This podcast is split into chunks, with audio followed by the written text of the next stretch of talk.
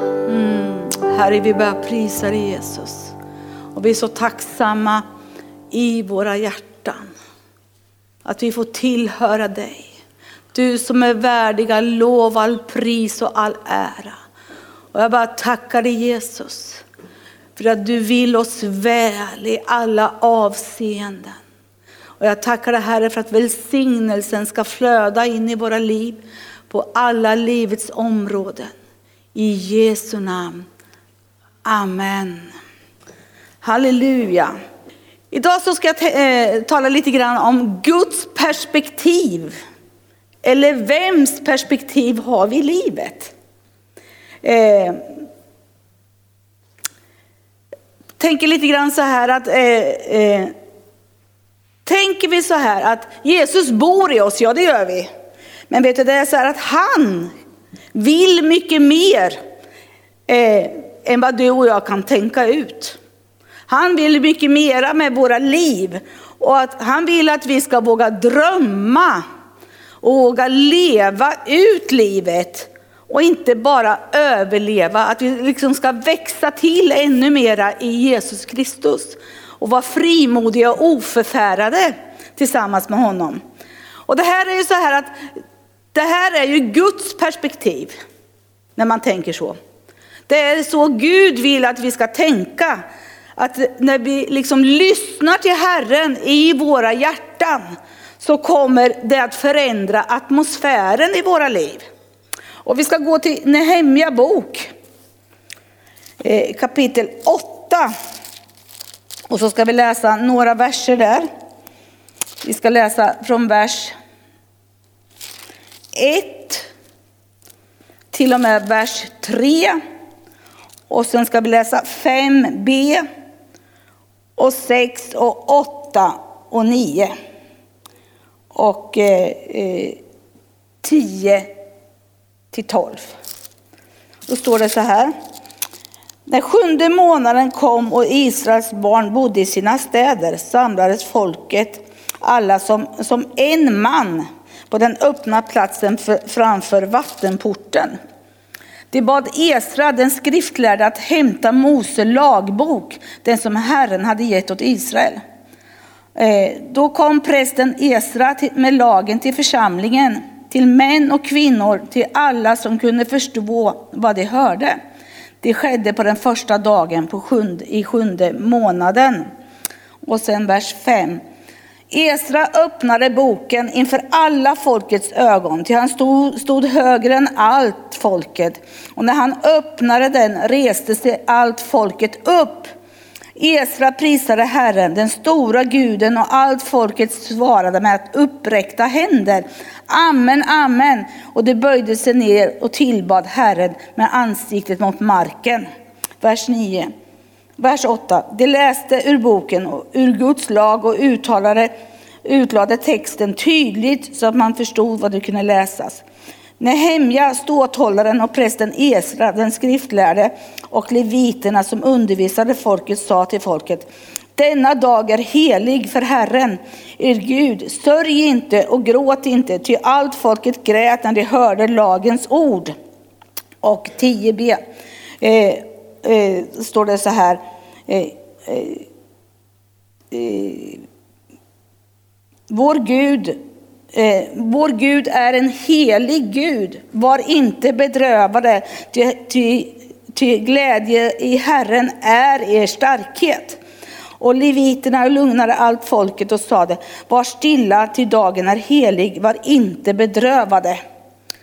Och eh, allt folket gick då iväg och åt och drack, sände omkring gåvor och gjorde, som, gjorde sig mycket glada, till de hade förstått det ord som hade förkunnats för dem. Här kan man läsa om, om Esra och folket, hur situationen var och hur deras tankar var. Och eh, det som hände när de fick höra ordet, det var att sinnet blev förändrat. De började liksom förstå att lagboken var en del som kunde lyfta dem upp. Så att de kunde få, en, eh, få, få ta del av det som Herren hade talat till dem.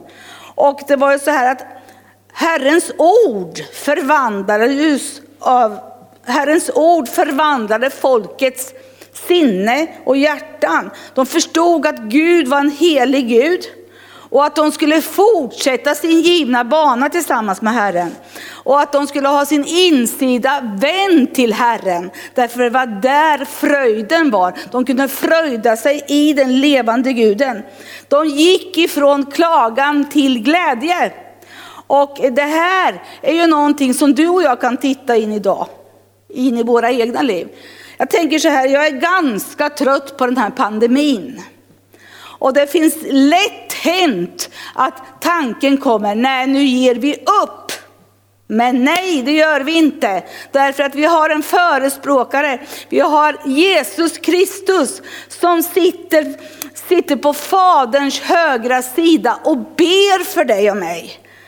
Han, han har gett oss nåden och trons evangelium. Att vi kan sträcka oss i tron till honom och få ta del av det han har ämnat. Och likadant är den här delen när vi tänker på, på, på församlingen Arken, den vision som vi har fått ifrån Herren, ifrån Hesekiel 34 och 4 och vers 16. Det gäller fortfarande. Vi ska bota de sjuka, vi ska driva ut onda andar, vi ska vandra i kärlek till människor och vi ska föra ut nåden och barmhärtigheten och Guds kärlek till människor. Det är det vi håller på med. Och det är så här att vi kommer att träffas och mötas igen så i den lokala församlingen här. Vi kommer att få erfara att se varandras ansikte och eh, liksom glädjas åt det. Men under tiden så håller vi ut, vi har uthålligheten därför att ordet får vara levande på vår insida. Och det här är liksom när vi hör Guds ordet och hör Guds röst på vår insida, då får vi en motivation. Vi får en inre drivkraft. Och vi får en inre drivkraft ifrån Guds hjärta att övervinna det naturliga livet. Det som gör att vi ska liksom se ner och tycka att det här är inte roligt. Därför pandemin säger att det här är inte roligt. Men pandemin är inte sanningen, utan det är sanningen som gör dig och mig fria. Fria till att leva ut det liv som Gud har ämnat att vi ska leva. Så om du går till andra Korinthierbrevet kapitel 5. Då står det så här, i andra Korinthierbrevet kapitel 5, vers 14 och 15. Ty Kristi kärlek driver oss eftersom vi är övertygade om att han har dött i alla ställen och därför har alla dött. Och han dog för alla, för det som lever inte längre ska leva för sig själva utan för honom som har dött och uppstått med honom. Du och jag vet att vi har dött i vårt naturliga livet. Det egna livet är begravt i dopgraven. Och vi har uppstått till ett nytt liv. Där Jesus Kristus är Herre i våra liv. Och där vi också kan erfara att kärleken, den rena agape-kärleken får vara som en källa som springer fram på vår insida. Så att vi liksom ser att vi har uthållighet, vi har kraften ifrån Gud att göra Guds vilja. Det är hans plan för dig och mig. Det han vill inget hellre än att vi ska leva ut evangeliet där vi går fram. Och vi gör det även om vi inte möts. Så gör vi det tills vi har möjligheten att mötas. Därför det är Herrens vilja. Och jag tänker också så här att när vi gör det här så är det så här så det kommer ändå smygande. Kommer det eh, röster som säger en massa olika saker. Det eh, kan vara så här, vad är det vi hör? Vad är, det för, är det Guds röst vi hör? Eller vad är det för röst som ropar för vår uppmärksamhet?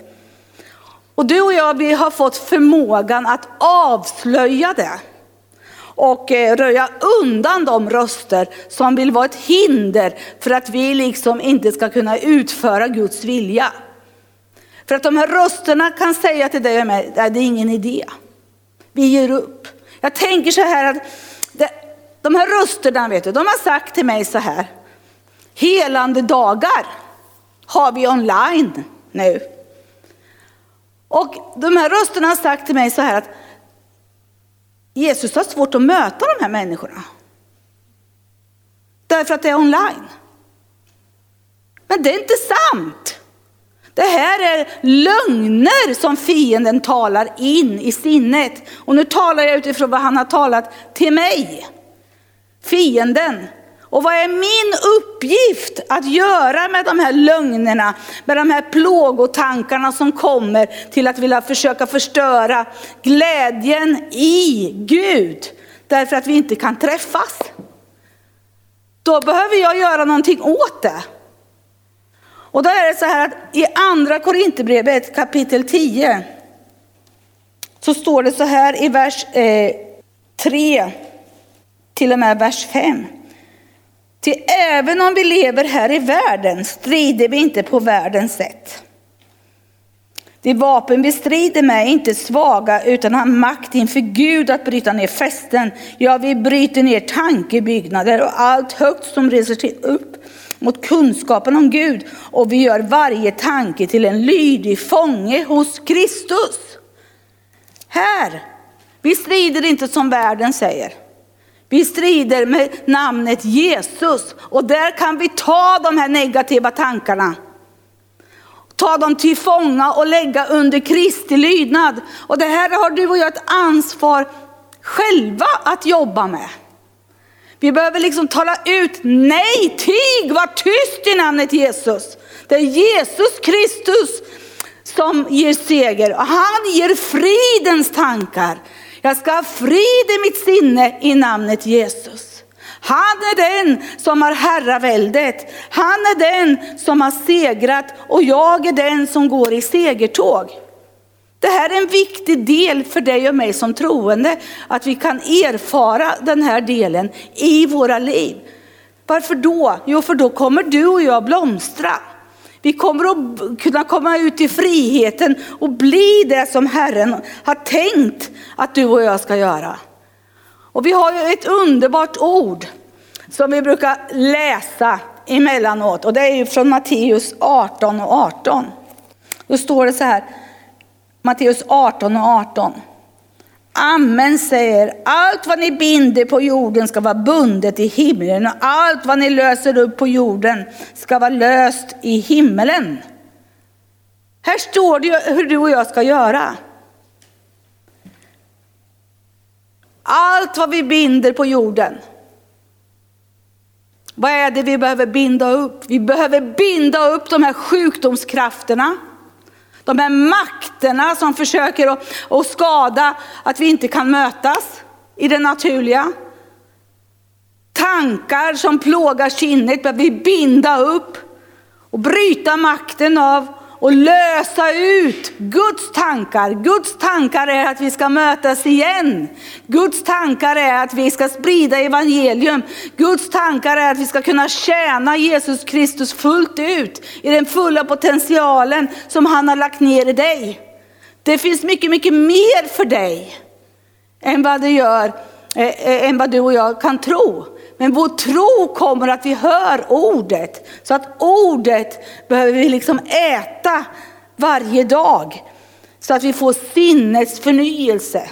Sinnet behöver förnyas från Guds tankar i våra liv. Och det står ju i, i Romarbrevet 12 och 2. Då står det så här, anpassa er inte efter den här världen utan låt er förvandlas genom sinnets förnyelse så att ni kan pröva vad som är Guds vilja. Eh, det som är gott och fullkomligt och det som behagar honom. I varje livssituation som du och jag befinner oss i så behöver vi få sinnet förnyat av Guds tankar och Guds vilja. Även om man är attackerad av sjukdom så behöver du och jag börja tänka, genom Jesus sår är vi helade. Om vi är plågade behöver vi tänka, den sonen gör fri blir verkligen fri. Om vi känner oss ensamma så behöver vi ta, äh, börja tänka, han lämnar mig aldrig, han överger mig inte, han älskar mig precis som jag är. Och det kommer bättre tider. Så att jag kan få vandra i kärleksgemenskap, syskonkärlek tillsammans med, med, med, med varandra och Guds, Gud själv. Att han ska ge, ge sig uttryck emellan oss där vi kan uppmuntra varandra och stärka varandra i tron på Herren. Tron på att vi är på väg mot det, det givna målet som han har ämnat för oss. Och eh, vi behöver liksom förstå den här delen av att lita på Herren. Lita på Herren.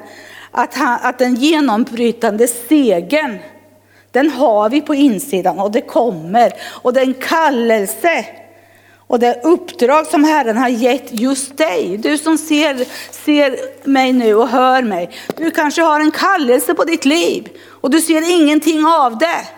Men vet du, det kommer att komma, håll ut. Håll tag i löftena som Gud har talat. Eh, för många år sedan så fanns det en, en trospredikant som hette Kenneth Hagin. Som jag läste mycket hans böcker. Och det var liksom tron på vad ordet talade och att våga gensvara till det på insidan. När han eh, fick kallelsen att predika trons ord så låg han förlamad. Han kunde inte röra en enda kroppsdel utan han låg förlamad. Och eh, det såg ju ut att inte bli någonting med det som Gud hade kallat honom till. Men det som hände i hans liv då, det var att han förstod, jag behöver hålla tag i löftesordet att genom Jesus sår är jag botad. Och han började tala ut de här orden. Han började ropa till Herren att det här ordet skulle bli synligt fullt ut. Och det som hände i hans liv, det var att Guds kraft förlöstes in i hans liv. Så att han fick erfara att sakta men säkert så kom hans rörelseförmåga igång i leder, muskler och alla kroppsdelar. Och han kunde till, till, till, efter ett antal gånger så kunde han resa på sig och börja sakta gå och röra sig framåt. Varför då? Det är därför att ordet var levande i hans hjärta. Och han talade ut det och han förstod att han gick i segertåg tillsammans med Jesus. Och det är likadant med dig och mig. Vi går i segertåg tillsammans med Jesus. Vi är de som har, eh, har, kommer att segra därför att Jesus har segrat en gång för alla. Och det kan du läsa i första Korinthierbrevet 2, vers eh, 14. Då står det så här, det, stod inte, det var inte det bibeln, men vi tar det här. Men vi har inte fått världens ande, utan den ande som är från Gud, för att vi ska veta vad vi har fått av honom. Han har gett oss alla Guds löften. Och vet du, det är en sak att tänka löftena. Det är en bra början, det är sinnets förnyelse. Men det är en annan sak att våga ta det i sin mun. När omständigheterna ser ut som att det här går inte, det här, det här, det naturliga säger något helt annat. Jag tänkte på det när jag var attackerad av corona. Jag var jättesjuk. Jag hade feber i, i 16 dagar. Och jag hade sån hosta och jag kunde, jag kunde knappt gå på toaletten själv. Och jag tänkte, kommer jag att överleva det här? Men vet du, de tankarna fick jag ta till fånga och lägga under Kristi lydnad. Och jag fick tala ut, genom Jesus år är jag helad. Och jag höll på i en veckas tid och tala ut det här. Därför att tron var tvungen att tala i den omständigheten som jag befann mig i. Och jag kommer ihåg när febern släppte. Jag trodde ju inte det var sant, jag trodde det var fel på febertermometern. Varför då? Därför att djävulen hade sagt att det här kommer inte att gå bra. Men jag fick trampa honom under mina fötter. Och det är likadant i din livssituation som du har. Så behöver du också börja tala ut det, som, det ord som Herren talar in i, i, i, in i din livssituation. Och eh, mycket handlar ju om att du och jag ska veta om Guds vilja. Att Guds vilja är hälsa, Guds vilja är liv, Guds vilja är att han vill oss väl, Guds vilja är att vi ska eh, stå tillsammans som en, eh, i den lokala församlingen, att vi ska tillhöra varandra för att kunna utföra det som Gud har planlagt för oss. Och eh, eh Kolosserbrevet 1 ska vi gå till. Då står det så här i vers Kolosserbrevet 1, vers 9 till och med vers 12. Från den dagen vi hörde om det har vi därför inte upphört att be för er, det är Paulus som skriver. Vår bön är att ni ska bli uppfyllda av kunskap om hans vilja. Med all andlig vishet och insikt så att ni kan leva värdigt Herren och i allt behaga honom. När, när ni bär frukt i alla slags goda gärningar och växer till i kunskapen om Gud. Hans härliga makt ska då styrka er och ge er all kraft till att vara uthålliga och tåliga i allt. Med glädje ska ni då tacka Fadern som har gjort er värda att få del av det arv som det, det, som det heliga har i ljuset. Du vet, Guds perspektiv och eh, Guds tankar påverkar din och min drivkraft. Min vilja blir påverkad av det. Och vi kan se det här att jag ska utöka området som Gud har gett mig att förvalta. Och jag förstår att det här handlar om att jag behöver förvalta mitt egna liv. Det som Gud har kallat mig till. Det som är hans plan för mig och dig. Och hans plan är ju att vi ska vara Jesu vänner. Men vi ska också vara hans lärjungar. Som ska göra tjänst för honom. Och eh, eh, Filipperbrevet 4 och 13 ska vi gå till. Då står det så här, allt förmår jag i honom som ger mig kraft. Allt förmår du och jag tillsammans med Herren. Till vi får se och erfara att situationerna förändras så att de blir i linje med det som Herrens ord säger. Det är hans önskan och hans plan. Du och jag har fått en kraftkälla, en, en kraftfull källa på insidan. Där, där vi liksom, när vi blir medvetna om den här kraften, om den här strömmen, levande vattenströmmarna, så kan vi också se att han kommer att göra det. Jesus blir ärad. Han kommer att se till att saker och ting blir förändrat i mitt egna liv och i det kollektiva livet. Därför att det är hans plan. Han vill inget hellre än att göra det.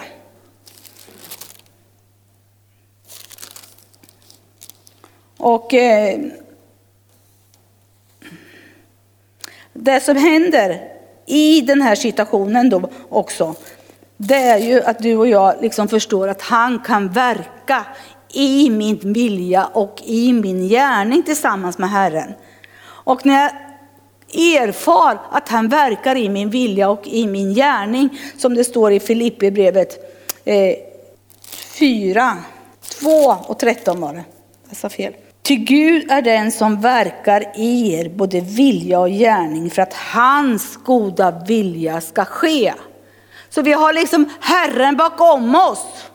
Han är där, Jesus är där, den helige ande är där som är vår hjälpare till att kunna få bli det som Herren har tänkt och utföra det han har tänkt att vi ska göra. Han är full av nåd och sanning för dig och mig. Och det här kommer också att ge dig och mig vägledning. Eh, vi kommer att erfara vart är mitt liv på väg, därför att han verkar i din vilja. Han verkar i dig och mig.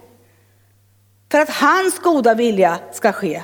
Hans vilja och hans tankar är mycket, mycket högre och större än de vi kan tänka ut. Vi måste liksom få, få, få, erfara den här delen att jag vill ha tag i Guds perspektiv. Jag vill få erfara det liv som Herren har kallat mig till. Det han har ämnat för mig att jag ska få leva. Jag kommer ihåg för många år sedan innan jag kom hit till församlingen Arken. Då hade jag en längtan efter att eh, få tjäna Jesus i helande tjänsten. Och eh, jag tillhörde en församling, en underbar församling. Men de satte munkavel på mig. Jag fick inte tala om helande. Jag fick inte tala om att du har rätt att bli fri från demoniska krafter. Du har bara rätt att bli omhuldad. Lite lagom sådär. Varför då? Jo, därför att de hade inte tro på vad ordet sa. De som var där. Och det här höll ju på att göra så att jag, jag, liksom, jag kände ju den här branden på insidan. Och det som hände det var det här att jag började be för människor i smyg. Där ingen såg mig. Men vet du, ryktet spred sig att jag, bo, att jag la händerna på de sjuka och de blev friska. Så jag fick liksom varning ifrån församlingen där. Och då började vi ropa till Gud, vad ska vi göra? Och du vet, jag ropade i ett halvår. Och kom Gud med, med, med kallelsen och sa flytta, flytta där du kan få andlig föda och där man tror på vad Guds ord säger. Och det här är ju likadant för dig. Att du har ju eh, kanske andra delar i ditt liv där du behöver få erfara att du befinner dig i ett vatten, i, en, i en åker där man tror på det som du, Gud har lagt ner i ditt hjärta så det kan få ske i det kollektiva. Det är Guds vilja och Guds plan för dig och mig. Och eh, Det som också är viktigt är den här delen att vi står samman som en enhet i församlingen. För att enheten, syskongemenskapen och enheten i, i församlingen förlöser Guds vilja, vilja och hans gärningar blir synliga. Och den här delen det kan du läsa om i Efesierbrevet 2, det står i Efesierbrevet 4 om, om eh, tjänstegåvornas uppgifter och din uppgift också. Om vi går till Efesierbrevet 4, då står det så här i Efesierbrevet 4, vers 11. Och eh, vers 15 till och med vers 16. Och han gav några till apostlar, andra till profeter, andra till evangelister och andra till herdar och lärare. Det är tjänstegåvorna där. De ska utrusta det heliga till att utföra sin tjänst, att bygga upp Kristi kropp tills vi alla når fram till enheten i tron och kunskapen om Guds son, till ett sådant mått av manlig mognad att vi är helt uppfyllda av Kristus. Och vers 15. Vi ska istället, vi ska istället eh, i kärlek hålla fast vid sanningen och i allt växa upp till honom som är huvudet, nämligen Kristus. Från honom får hela kroppen sin tillväxt så byggs kroppen upp i kärlek och det fogas samman och hålls ihop genom det stöd som varje led ger, allt efter den kraft som är utmätt åt varje särskild del. Här talar ju klart och tydligt att tjänstegåvornas uppgift är, är att utrusta det heliga.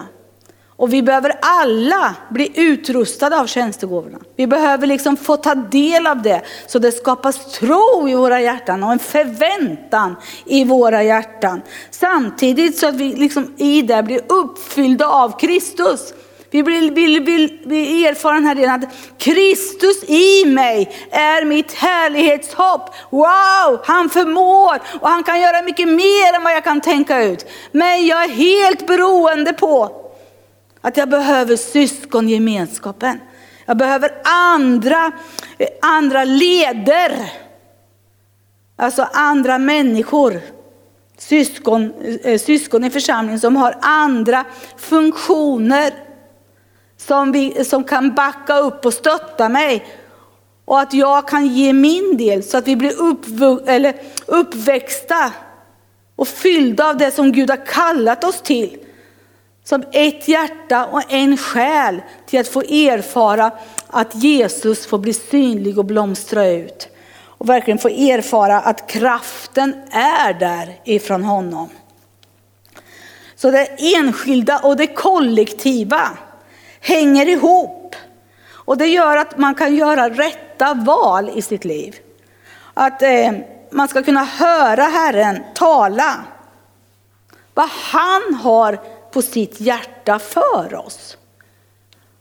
Han har mycket, mycket större perspektiv än vad vi har i våra hjärtan. Men du och jag behöver liksom ta del av hans perspektiv. Och det, när vi gör det och liksom förstår att vi behöver varandra så kommer vi också få erfara att energin, kraftkällan kommer på rätt ställe. Det kommer att sprida sig igenom oss till de som behöver höra. Till de som inte har hört evangeliet, till de som inte har hört om helande, till de, till de som inte har hört om befrielse, till de som inte har hört om Guds kärlek. Vi är bärare av den potentialen på insidan av oss. Och vi behöver våga ge av det. Därför att Herren har låtit oss vara hans kanaler. Och eh, det är också så här, det står ju i Johannes 6 och 63. Det är anden som ger liv. Köttet är, köttet är inte till någon nytta, nej det vet vi. Det har jag erfarit, att det är lika bra att det är tyst med det. Och låta liksom Herrens kraft och ord få tala på insidan. För det Herren säger här att det ord jag har talat till dig är ande och liv, säger Jesus. Ja, ande och liv, det förvandlar. Det skapar i dig och mig. Och eh, läser man i Hebreerbrevet 11 och 1. Tron en övertygelse om det man hoppas, en visshet om det man inte ser. Men, och vers 6. Men utan tro är det omöjligt att behaga Gud. Till den som kommer till Gud måste tro att han är till och belönar det som söker honom. Du vet, Gudsordet skapar tro på din och min insida. Ordet skapar så att det liksom växer på insidan och vi ser Guds möjligheter.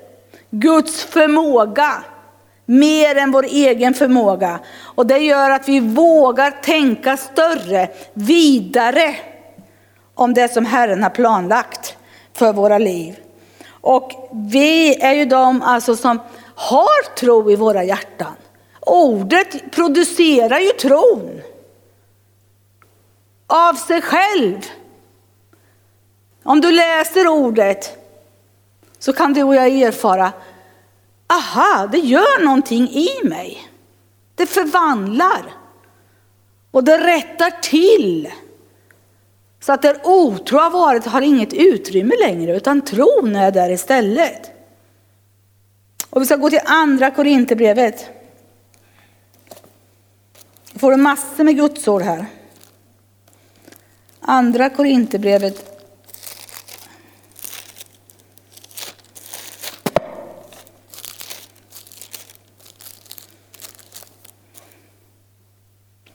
Eh, kapitel 4.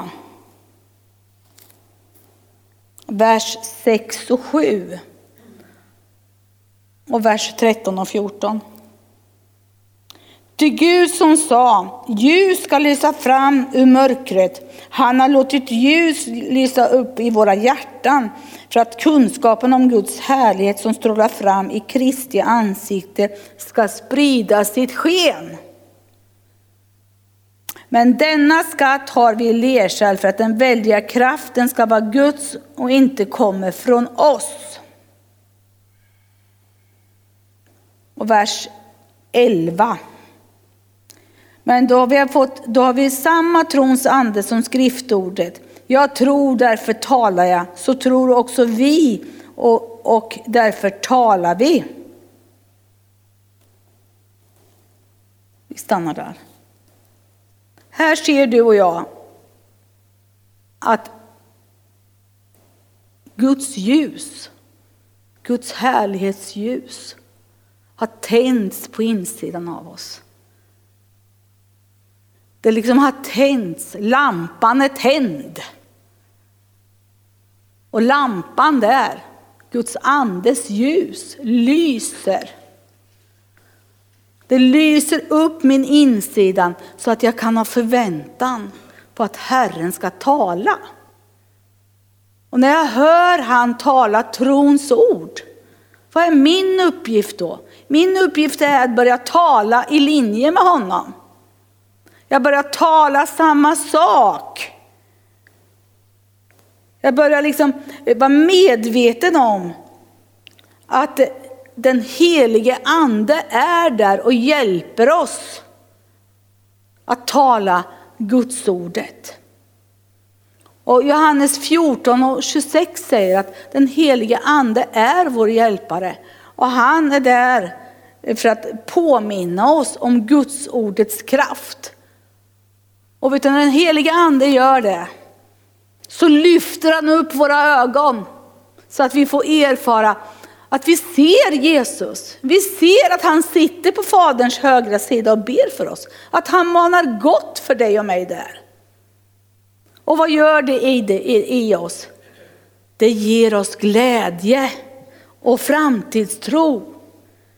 Att det finns en väg att gå på tillsammans med Herren. Och eh, Hebreerbrevet 4 och 12, kända bibelord, så talar de om att till Guds ord är levande, skarpt och tveeggat. Så det åtskiljer själ och ande, märg och ben och det är en domare över hjärtats uppsåt och tankar. Så vet du, ordet, när vi håller tag i det, så förvandlar det. Så att vi kan urskilja vad är Gud? Vad är mitt eget?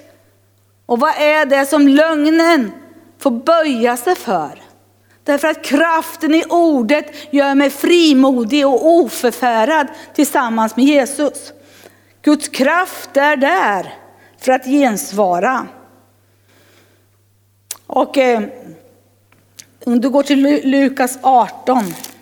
Vi ska läsa Lukas 18, vers 7 och 8. Det handlar om änkan och domaren där, men vi ska läsa vers 7 och 8. Skulle då inte Gud skaffa rätt åt sina utvalda som ropar till honom dag och natt då han ju lyssnar tåligt till dem? Jag säger er, han kommer snart att skaffa dem rätt. Men vad ska människosonen när han kommer finna en sådan tro på jorden? Jag skulle vilja börja med att säga att du har tro i ditt hjärta. Du och jag har tro i våra hjärtan tillsammans med Herren. Och du och jag kan vara trygga med att han hör oss. Han är där. Han är där för att hjälpa dig och mig. Han vill att vi, du och jag ska ha få rätt, få rätt ifrån, utifrån det som bara ordet säger till dig och mig. Han vill att våra liv ska få bli genuina och liksom få erfara att det är Herren som lever i mig. Att det liksom är, är Guds kraft som är där. Därför att han är källan till våra liv. Och eh, jag tänker på, på, ett annat bibelord som, som eh, eh, står utifrån Hesekiel 37. Det var när allting var dött i människors liv. Deras kroppar var döda. De hade ingen ande i sig. Utifrån Hesekiel 37, vers 1 och 14. Men där blev, blev han uppmanad att profetera. Prof, profetera ut, säga samma sak som Gud sa. Och att det skulle skapa och rädda liv. Och det skulle också ge liv och livsglädje. Och det står där i, det, i sammanhanget där att det rasslade till. Jag tycker det låter härligt när det rasslar till. Så att saker och ting rättar till sig efter situationen. Och vad är det? Jo, det är att miraklet är där. Miraklet är där och gör det. Mirakelkraften är där och förvandlar. För att det liv som Herren har ämnat ska, åt, ska, ska bli som Gud har tänkt det. Och eh, jag tänkte också på en annan, ett annat bibelord ifrån Apostlagärningarna 2, vers 17 och 18. Apostlagärningarna 2, vers 17 och 18. Och det ska ske i de sista dagarna, säger Gud. Jag ska utgjuta, utgjuta av min ande över allt kött. Era söner och era döttrar ska profetera, era unga män ska se syner och era gamla män ska ha drömmar. Ja, över mina tjänare och tjänarinnor ska jag i de dagarna utgjuta min ande och de ska profetera. Du vet, här talas det om den profetiska smörjelsen. Och du och jag har fått den profetiska smörjelsen på insidan. Att kunna profetera ut det e- Gudsordet över våra egna liv så vi blir uppbyggda, så vi blir stärkta, så vi blir förvissade om att Gud är där och han gör sitt verk så att hans vilja kommer att bli synlig genom dig och genom oss alla allesammans. Så just den här delen om att våga profetera ut över sig själv. Jag kommer ihåg för många år sedan. Så gjorde jag så att jag läste Guds ord. Och så tog jag fram ett kollegieblock. Och så lyssnade jag till Herren, vad han talade in i mitt liv. Och så skrev jag ner det jag hörde talas. Efter fem år så hittade jag det här kollegieblocket. Då hade jag glömt bort det här kollegieblocket. Så tog jag fram det och började läsa. Och fick erfara att allt det som jag hade profeterat ut som var Guds ord över mitt liv hade gått i fullbordan. Därför att han var där med, med sin mirakelkraft och ändrade på mitt liv och min livssituation. Så att jag kom in i det som Herren hade planlagt. Och vem får äran då? Det är ju Jesus. Det enda jag hade gjort det var att jag hade satt tro till de här orden. Jag hade vågat profetera ut det över mig själv. Och ibland kan man tänka, ja men det är så häftigt att profetera bland alla andra. Man kan börja med sig själv. Det är den bästa källan. För det är så här att är det ifrån Gud så kommer det att drabba dig. Och är det inte ifrån Gud då kommer det att falla av dig. Och du får erfara att jag behöver tränas tillsammans med Herren i det som han har kallat mig in i. Och eh, jag tänkte så här också att det profetiska är ju, eh, det står i första Korinthierbrevet 14, vers 3. Att det uppbygger, det uppmuntrar och, och det tröstar. Och du vet, du och jag behöver alltid uppmuntran.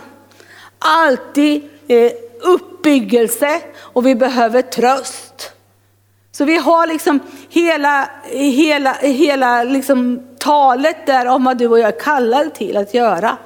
För oss själva, för att vi ska bli stärkta i tron och för att det kollektiva ska kunna ske och bli utfört på den här platsen. Och eh, varför är det så viktigt då?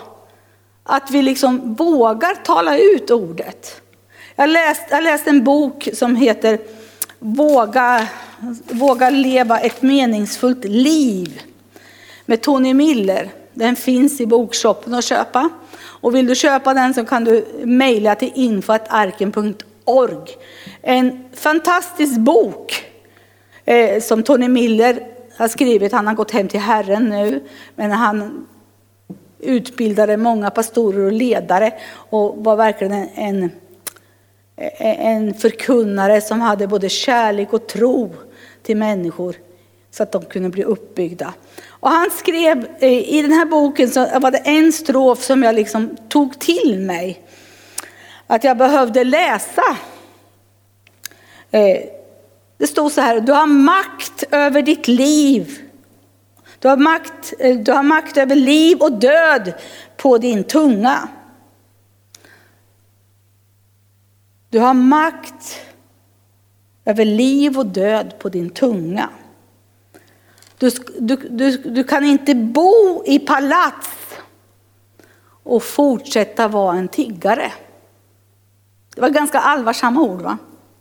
Men det ger mig en tankeställare att är jag i Jesus Kristus så behöver jag börja tänka och tala som han gör.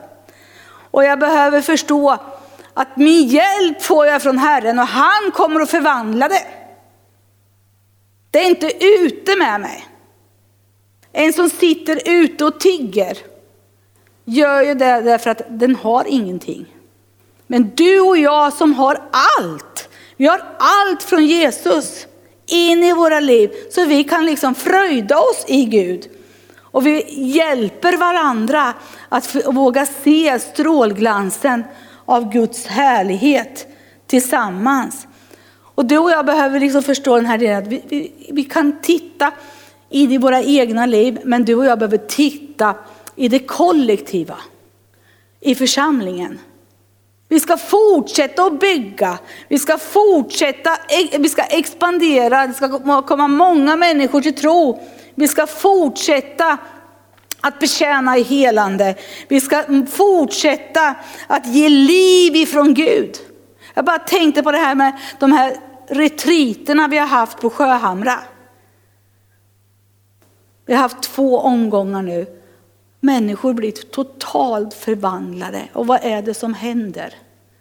Man talar ut ordet och man tillåter att människor får komma in i vilan och tystnaden tillsammans med Herren. Miraklet är där. Vi ska fortsätta göra det. Och vi ska fortsätta ha stora konferenser med massor med folk. Och vi profeterar ut att det är på väg, det är på väg, det kommer.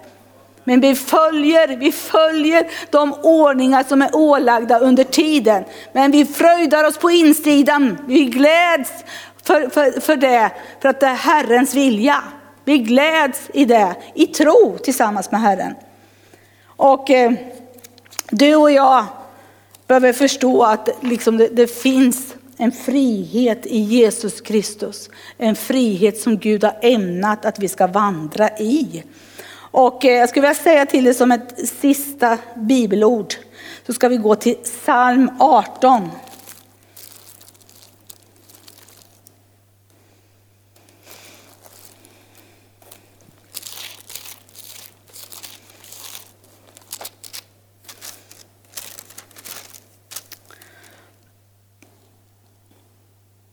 Så ska vi läsa psalm 18, vers 2 till och med vers 4. Det är David som säger det här. Han sa, hjärteligen kär har jag det Herre, min starkhet. Herren mitt bergfäste, min borg och min räddare, min Gud, min tillflykt, min tillflyktsklippa, min sköld och min frälsningshorn och mitt värn. Till Herren, den högt lovade, ropade jag, från mina fiender blev jag räddad. Här ser vi att Gud har inte anseende till personer. Lika god som han var mot David, lika god är han mot dig. Han är en god Gud. David hade en nära relation till Herren och satte sin, sin förtröstan och tillit till sin himmelske fader. Och han fick erfara att han hade framgång i det han företog sig.